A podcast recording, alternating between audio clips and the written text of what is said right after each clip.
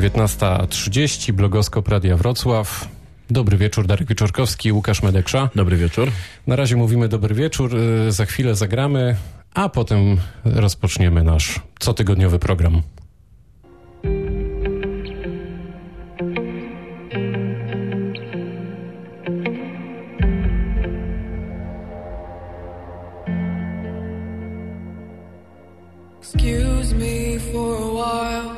While I'm wide eyed and I'm so down caught in the middle.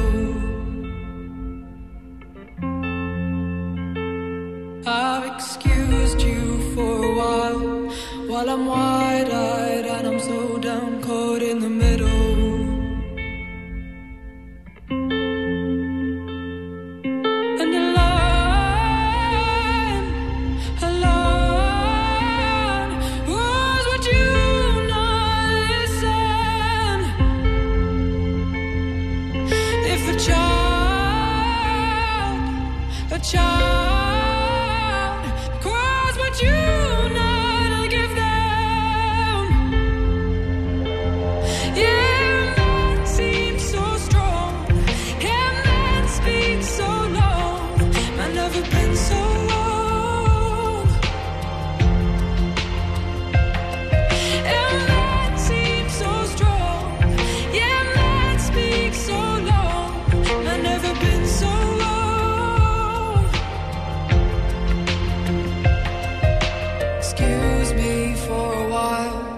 Turn a blind eye with a stare caught right in the middle.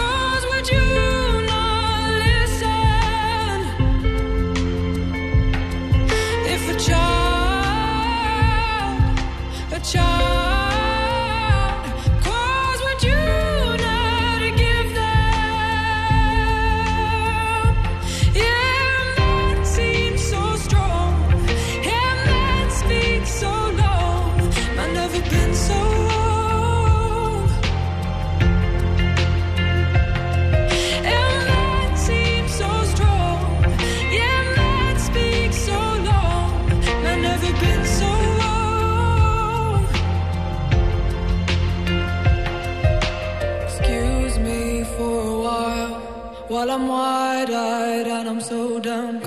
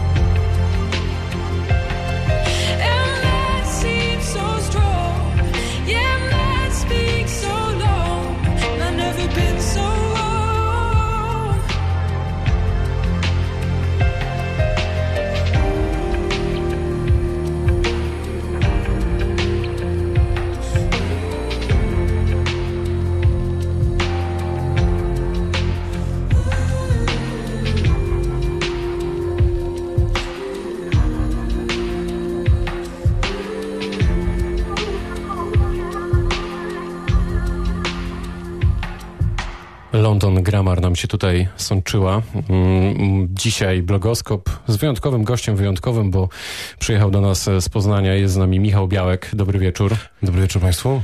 Założyciel, nie założyciel, właściciel serwisu wykop.pl. Właściwie współwłaściciel, dlatego że jest to spółka wspólnie z Brechtem Bakerem i z Funduszem Garwest jesteśmy właścicielami. No to w to nie będziemy wchodzić. Człowiek, który ogólnie rzecz biorąc zarządza tym e, portalem. Zaprosiliśmy Cię dlatego, że od kilku dni, tygodni w internecie, ale nie tylko w internecie. Mamy dyskusję na temat Akta 2, tak to jest e, określane, brzmi bardzo groźnie, za chwilę to rozwinę. E, Chodzi o to, że polscy przedsiębiorcy z branży cyfrowej są przeciwni nowym regulacjom unijnym dotyczącym internetu. E, Konkretnie chodzi o projekt dyrektywy zmieniającej prawa autorskie. Szczególny sprzeciw wywołała propozycja wprowadzenia tak zwanego podatku od linków. Zdaniem przedsiębiorców e, uderzy to przede wszystkim w małe firmy, których nie stać będzie na opłatę, a co za tym idzie podatek zmniejszy ruch na tych e, stronach, ich e, stronach. Za nami też e, pierwsze protesty w sprawie nowych regulacji, które w całej Polsce się rozlały w większych miastach naszego kraju. Ale powiedzmy na początku, na czym w praktyce miałby polegać podatek od linków? Znaczy, rzeczywiście dyrektywa, którą no, Unia Europejska proponuje, ma dwa takie artykuły, które budzą nas, nasz bardzo duży niepokój, czyli artykuł 11 i artykuł 13. Artykuł 13 jest to artykuł mówiący o tym, że to my musimy, w wielkim skrócie oczywiście, to my musimy filtrować treść komentarzy i wpisów użytkowników i sprawdzać, które z nich są legalne, a które nie naruszają prawa. E, artykuł 11 mówi o tym, że powinniśmy wynagradzać autorów, twórców, e, twórców treści, do których linkujemy. W, od strony takiej technicznej miałoby to wyglądać w ten sposób, że to, myślę, że powinniśmy wrócić trochę do korzeni i opowiedzieć, czym jest wykop, bo może Państwo też nie, Powiedzmy o tym. e, nie do końca wiecie, a to pewnie e, ułatwi nam całą sprawę. E, Wykop jest takim serwisem takiej tak zwanej ery Web 2.0, czyli ładnych paręnaście lat temu internet składał się głównie z serwisów, w których byli redaktorzy, którzy tworzyli treść i internauci wchodząc na nie nie mogli ich komentować, nie mogli ich tworzyć. Głównie to, co mogli zrobić, to jest po prostu przeczytać. W pewnym momencie pojawił się nowy trend. E, Jednym z takich serwisów, który rzeczywiście ten trend w Polsce współtworzył, e, jest Wykop. Serwis nasz, jego zadaniem jest to, że e, użytkownicy zakładają konta i dzielą się treścią, czyli Zazwyczaj każda redakcja prasowa posiada powiedzmy kilkudziesięciu redaktorów, kilkudziesięciu dziennikarzy i to oni te treści wyszukują, e, a następnie prezentują swoim czytelnikom. U nas jest to trochę inaczej. U nas mamy miesięcznie około 7, czy właściwie już nawet ponad 7 milionów użytkowników. Duża część z nich ma konto i to oni szukają codziennie po internecie ciekawych treści, dzielą się nimi, dodają do wykopaliska, następnie inni użytkownicy na je głosują i te prezentowane są na stronie głównej i w ten sposób, że tak powiem, dzielimy, dzielimy się wiedzą. Czyli to jest takie społecznościowe wykopywanie treści z internetu, stąd ta nazwa Do, dokładnie tak, to stąd, stąd ta nazwa. E, w związku z tym, to co, to, co budzi nas, nasz niepokój, to właśnie artykuł 11 z racji tego, że e, on stoi swego rodzaju, e, znaczy ma zablokuje nam możliwość dzielenia się linkami. Wczoraj mieliśmy spotkanie z panem europosłem Tadeuszem Zwiewką z racji tego, że on jest jednym, właściwie jedynym przedstawicielem do tej pory, który głosował za wprowadzeniem e, tej dyrektywy, bo oczywiście wprowadzenie tej dyrektywy składa się z wielu kroków, natomiast w pierwszym kroku on był osobą, która głosowała za jej wprowadzeniem i staraliśmy się uświadomić, że e, jakkolwiek wszyscy jesteśmy za tym, że prawo autorskie w, Pol w Polsce i właściwie w Europie należy chronić e, i chcielibyśmy to robić, natomiast sposób, który nam proponuje Unia Europejska jest bardzo trudny technicznie do wdrożenia. A wróćmy jeszcze na sekundę właśnie do tego trendu Web 2.0, który bił rekordy popularności e, 10 paręnaście lat temu. To właśnie, tak jak powiedziałeś, na fali tego trendu Web 2.0 e, wyrósł polski wykop, ale wyrosło też wiele innych serwisów. Web 2.0 to przecież także Wikipedia, to jest y, Facebook, to są w ogóle społecznościówki wszystkie. Jakby istotą Web 2.0 było właśnie to społecznościowe działanie i Web 2.0, odkąd pamiętam, zawsze miał problem z prawami autorskimi. To zawsze przynajmniej balansowało gdzieś na krawędzi legalnego wykorzystywania cudzych treści i do końca nie było wiadomo, co z tym zrobić. I mam wrażenie, że ta regulacja jednak próbuje uporządkować ten, e, to, to, ten nieporządek, ten bałagan, który wprowadziło Web 2.0. Ale jednocześnie, jak rozumiem, to też jest próba jakiejś takiej kontrrewolucji wymierzonej w ten trend społecznościowy. Ciężkie pytanie, dlatego że musimy się zastanowić, gdzie jest ta granica, w którym prawo autorskie jest łamane, a w którym jest to prawo cytatu. E, dla mnie jednoznaczne jest to, że jeżeli ktoś robi kopiuj i wklej treści, która została stworzona przez dziennikarza w pełni, czy powiedzmy w większości, to oczywiście jest to łamanie jego praw, czy jeżeli są puszcza, czy dzieli się filmami na różnego rodzaju serwisach. Oczywiście, że tak. Natomiast e, ta nowa dyrektywa, ta, to o czym mówi, to mówi o tym, że samo linkowanie do treści na danym serwisie jest już e, wykorzystywaniem praw autorskich. To doprecyzujmy właśnie obrazowo słuchaczom i użytkownikom, że wykop.pl to jest taki serwis, który tak naprawdę gromadzi tylko i wyłącznie linki na swojej Dokładnie. platformie do innych wydawców. Natomiast treści, które są tam tworzone, są najczęściej e, notkami czy też komentarzami innych użytkowników. e, Które to z kolei są dostępne na każdym innym serwisie takim globalnym, na przykład portali informacyjnych. Rzeczywiście, znaczy nasz serwis jest swego rodzaju taką, takim agregatem linków, natomiast nie są to linki w takiej czystej postaci, czyli URL, HTTP i tak dalej, tylko każdy ma pewien tytuł i opis, tak żeby rzeczywiście zaprezentować użytkownikom, co to jest. Jeżeli zwrócicie uwagę na to, że dziennie do serwisu dodawanych jest tysiąc linków, no to jest to dość duże ułatwienie, przeglądając, żeby rzeczywiście użytkownik wiedział, o czym dana treść jest, no bo wśród e, tylu użytkowników jest wiele różnych zainteresowań i to zazwyczaj linki do nas, u nas, to nie są takie mainstreamowe media, czy też portale internetowe. Bardzo często ktoś dzieli się niesamowitymi informacjami na temat, powiedzmy, nie wiem, pszczelarstwa. Czy też mamy taką sekcję e, nazywaną mikroblog, gdzie dziennie pojawia się około 100 tysięcy komentarzy, gdzie użytkownicy wpisując swój komentarz, opisują go swego rodzaju tagiem i wokół niego budują społeczność. Na przykład społeczność rowerowy równik, kiedy kilka lat temu stwierdzili, że w ciągu wakacji przejadą długość równika. E, mamy różnego rodzaju akcje, więc, że tak powiem, to, co my robimy, to budujemy społeczność wokół ciekawych treści. E, W polskim internecie. tak, oczywiście w polskim internecie. To znaczy, A te treści, dodajmy, nie, niekoniecznie są produkowane przez was. Mogą to Nie, być oczywiście. treści zewnętrzne, do których link pojawia się właśnie na wykopie i który tworzy społeczność wokół tej treści. Tak, Zgadza się, dlatego że wiecie, no, e, z biegiem lat coraz więcej stron internetowych się tworzy. I tak jak jeden z, jeden z dyrektorów YouTube'a, e, YouTube'a, Google'a kiedyś wspominał na konferencji, że problemem dzisiejszego świata nie jest to, że jak dotrzeć do informacji, tylko że tych informacji jest za wiele. I potrzebujemy pewnego rodzaju filtra, który powie nam, słuchajcie, tu jest fajny artykuł na temat powiedzmy sportu, na temat mundialu, tutaj na temat nowinek technologicznych. I nie da się tego zrobić automatycznie. No, potrzebujemy osoby, która jest swego rodzaju specjalistą w tej dziedzinie i ona mówi, hej, to jest fajne, jeżeli wam się to podoba, to zagłosujcie na to e, i dajmy to, poka- pokażmy to też innym. I to właściwie jest to, co robi Wykop. I wprowadzenie podatku od linków uderza w was, że tak powiem, centralnie. Jest zagrożeniem dla wykopu. Uderza w nas, ale wydaje mi się, że to jest uderza w nas też dlatego, że my dostajemy gdzieś swego rodzaju rykoszetem e, w tej całej walce o, o prawa autorskie. Bo bądźmy szczerzy, też są serwisy które w internecie, które e, no, dzielą się całością treści, e, kopiując, wklejając i tak dalej. My czasami też zda, widzimy tego rodzaju e, akcje u nas, że pojawia się u nas treść, u nas też można, można dodawać treści własnych użytkowników, a następnie ta treść jest skopiowana i wklejana e, na inny serwis.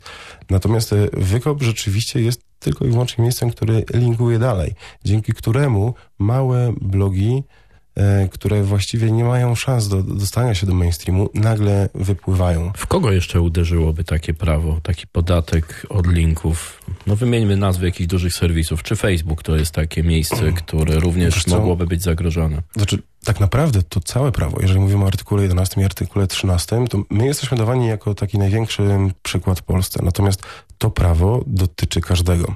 Dlatego, że z jednej strony każdy wydawca w tym momencie staje się odpowiedzialny za treści dodane przez użytkownika. Czyli wyobraźcie sobie Państwo, że mamy te 100 tysięcy treści, komentarzy dodawanych na wykopie, a wykop jest jednym z najpopularniejszych serwisów, ale nie jest jedynym. I w związku z tym my nagle musimy zatrudnić powiedzmy, nie wiem, 200 moderatorów, którzy każdy z tych komentarzy czytają, sprawdzają, czy on nie łamie prawa autorskiego. Czyli musimy wiedzieć, czy to nie jest jakiś artykuł, który gdzieś ktoś wcześniej napisał, jakaś książka.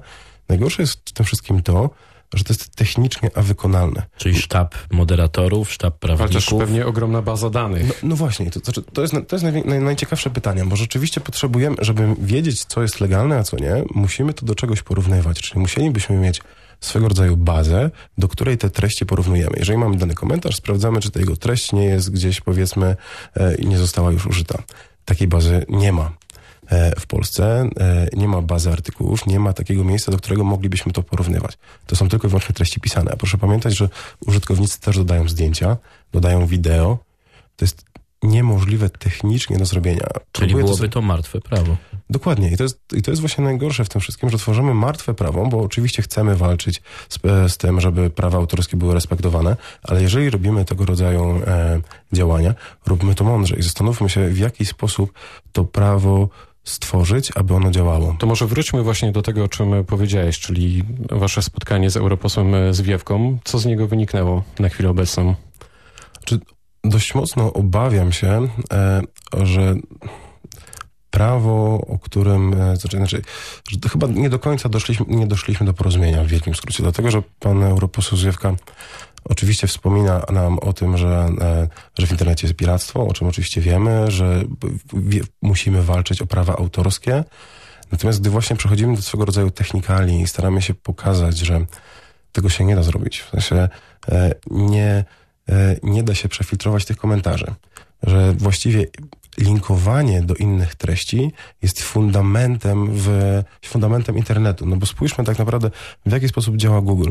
Google na początku swojej działalności, e, aby wybrać treści na dany temat, które mają największą wartość, sprawdzał ile dane, ile stron linkuje do danej strony i na tej, w tym sposobie tworzył pewien, pewien ranking.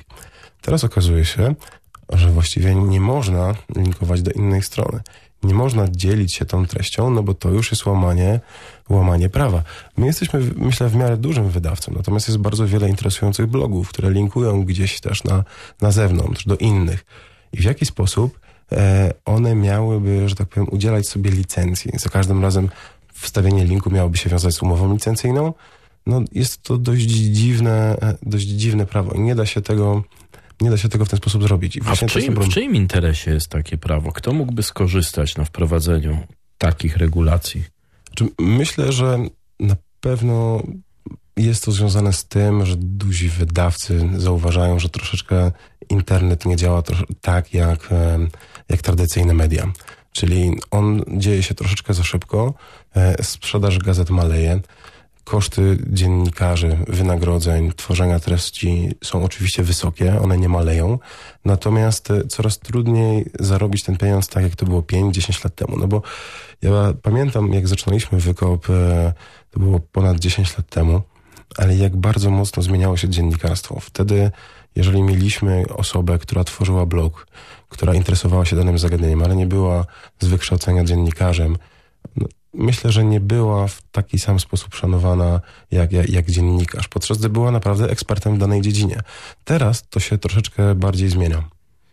Przysłuchuję się e, temu, co mówisz, szczególnie dlatego, że wchodzisz e, tutaj na odcinek dziennikarski. E, Myślę, że powiem coś, czego nie powie wielu dziennikarzy. To znaczy, że wasz serwis e, bardzo często stanowi inspirację dla dziennikarzy. Oni zaczynają e, kolegia od e, przeglądu najciekawszych linków, dlatego że to jest ta piguła tego, co się wydarzyło w minionej dobie i dzięki temu oni mają mniej więcej pogląd na temat tego, co jest też interesujące, bo widzą komentarze internautów, etc. i później przekładają to na tradycyjne, w cudzysłowie, media, gazetę i telewizję, ale też bardzo często ogólnopolskie portale, wielkie media mm, inspirują się tymi materiałami, które wrzucają e, wasi użytkownicy, więc być może to jest też tak, że te nowe regulacje wynikają trochę z niezrozumienia, ale też e, konfliktu interesów tutaj. Znaczy, na pewno trochę odwróciły się role, bo e, wykop i internet to jest właściwie pierwsza rzecz, do której sięgamy, jeżeli chcemy się dowiedzieć o, o nowościach. E, no bo rzeczywiście wydanie gazety zazwyczaj jest dnia następnego i to, co było na wykopie, rzeczywiście, tak jak wspomniałeś, za, za, zauważamy, że inne tradycyjne media o tym piszą następnego dnia. Natomiast tutaj jest pytanie też, czy nie trzeba troszeczkę zmienić swego rodzaju modelu biznesowego mediów. Myślę, że dość mocno wy, wy, wykraczam w przyszłość, natomiast to, co, czego, e, czego, że tak powiem, media internetowe nie zawsze są w stanie zrobić, to bardzo szczegółowa analiza na przykład wydarzeń politycznych, czy też wydarzeń, nie wiem, sportowych. Nie zawsze jest tak, że dziennikarz, który gdzieś tworzy, jest swego rodzaju amatorem, ma jakąś wiedzę, jest w stanie pojechać do danego miejsca, zrobić relację wideo, e, przeanalizować kilka treści i spędzić nad danym, danym, daną treścią o wiele więcej. I może to jest właśnie model współpracy, czyli powiedzmy mamy internet, gdzie mamy szybkie informacje, natomiast media tradycyjne powinny się skupić na takich bardzo pełnowartościowych treściach, za które ja naprawdę nie mam problemu, żeby rzeczywiście płacić. Czyli takie treści eksperckie. To, to, byłby, to byłoby to wyjście dla mediów tradycyjnych w tym wypadku, ale w kontakcie, jak rozumiem, ze społecznością. Znaczy, wyda- wydaje mi się, że tak, no bo ciężko jest konkurować, ciężko jest konkurować z internetem. Jeżeli my na Wykopie mamy ponad 7 milionów użytkowników, jeżeli oni tworzą treści, no to bądźmy szczerzy, e, nie znam re- redakcji tradycyjnej, którą będzie stać na to, aby zatrudnić aż taką wielką rzeszę dziennikarzy. E, Natomiast e, my jesteśmy takim trochę powiedzmy zapalnikiem, iskierką i to od nas wiele rzeczy się zaczyna, natomiast później tą pałeczkę przekazujemy mediom tradycyjnym. Tak się dzieje właśnie przy akta, które Akta 2, jak to mówimy, ale też tak się działo przy Akta 1 w 2012 roku, kiedy rozpoczęliśmy pewnego rodzaju akcję z kilkoma zaprzyjaźnionymi serwisami. E, I w ciągu 24 godzin podłączyło się do niej 2,5 tysiąca serwisów i wyłączyliśmy na godzinę 60% internetu. Dlatego, że miało wejść podobne prawo ograniczające wolność internetu, e, a internauci powiedzieli nie. No Ja rzeczywiście- pamiętam, pamiętam, to była bardzo niezwykła sytuacja, ponieważ y, autentycznie przeciwko tamtym proponowanym regulacjom, czyli przeciwko akta, wyszli na ulicę ludzie, wyszli na ulicę użytkownicy internetu. W Demonstracje, demonstracje przeciwko akta były organizowane często w małych miastach, które nie widziały w ogóle żadnych demonstracji od lat w jakiejkolwiek sprawie. A tutaj nagle dziesiątki, czasami setki osób. Pamiętam, że to była zima, temperatury były poniżej zera, padał śnieg, a tutaj trwały protesty przeciwko e, uregulowaniu internetu, także to było No, niezwykłe. Dokładnie, dlatego że to to co, co, to, co mówię. Mówi się bardzo często, że wykop jest po tej stronie, która e, próbuje e, zablokować wprowadzenie tych przepisów. Natomiast, proszę Państwa, to w naszym wspólnym interesie jest, aby tych e, przepisów nie wprowadzać, bo proszę sobie wyobrazić, że jest całe mnóstwo, wiele serwisów, które będą zastanawiać się dwa, czy może nawet trzy razy, czy oni rzeczywiście chcą mieć treści od użytkowników, czy chcą, aby to użytkownicy mogli wpisywać komentarze, no bo w jaki sposób oni zweryfikują, czy te komentarze są e, prawdziwe, czy też czy są legalne, czy też nie. Nie da się tego zrobić. I to jest e, taka ciekawostka w podobny sposób, jak wprowadziliśmy RODO i część amerykańskich serwisów się zamknęło, bo stwierdzi, my nie jesteśmy gotowi na wprowadzenie GDPR-u e, dla użytkowników z Unii Europejskiej, więc proszę Państwa, użytkownicy z Unii Europejskiej mają blokadę i nie mogą nas czytać. I Co takie to coś jest. GDPR, wyjaśnijmy? GDPR to jest, e, to jest em, RODO, czyli tak właściwie polskie, polskie brzmienie RODO, czyli ochrona danych osobowych. I to jest bardzo też ciekawe w kontekście W jakim wymiarze oni nie byli w stanie tego wprowadzić? Wprowadzenie RODO właściwie wiąże się z tym, że to nie jest. E, trzeba zrobić całą masę dodatkowych dokumentów, analiz ryzyka, procedur, e, w jaki sposób dane osobowe są przetwarzane. Z danymi osobowymi mamy styczność wszędzie, no bo rzeczywiście tutaj e, przedstawiamy się imieniem, nazwiskiem, ale idziemy do lekarza, mamy też imię i nazwisko, idziemy do hotelu. E, i tak naprawdę to spowodowało też to, że wiele mniejszych serwisów nie jest do tego, nie jest do tego gotowych. I e, to jest bardzo ciekawe w kontekście też tego, co się tutaj dzieje. No bo jeżeli mamy artykuł 11 i artykuł 13, który w pewien sposób mówi, że halo, musimy filtrować wasze treści, my będziemy sprawdzać, czy one są legalne, czy nie, ograniczamy waszą wolność do wypowiedzi, a miesiąc temu wprowadziliśmy prawo, które teoretycznie daje nam e, i swego rodzaju prawo do zachowania prywatności danych osobowych. E, I to jest właściwie takie, że tak powiem, z jednej strony e, chronimy wolność, twoje prawa obywatelskie, ale z drugiej strony zapróbujemy wprowadzić coś, co będzie was blokowało. No dobra, mamy na stole teraz projekt tej dyrektywy, artykuł 11, 13, podatek od linków, możliwy obowiązek filtrowania treści wrzucanych przez użytkowników do różnych serwisów internetowych, filtrowania przez wydawców tych serwisów. Co robicie, żeby to yy, zatrzymać, żeby yy, ten, ten dyrek, ta dyrektywa nie weszła w życie? Myślę, że to, co jest najważniejsze, to tak naprawdę uświadomienie, z czym to się wiąże. Że to nie jest tylko i wyłącznie walka o prawa autorskie.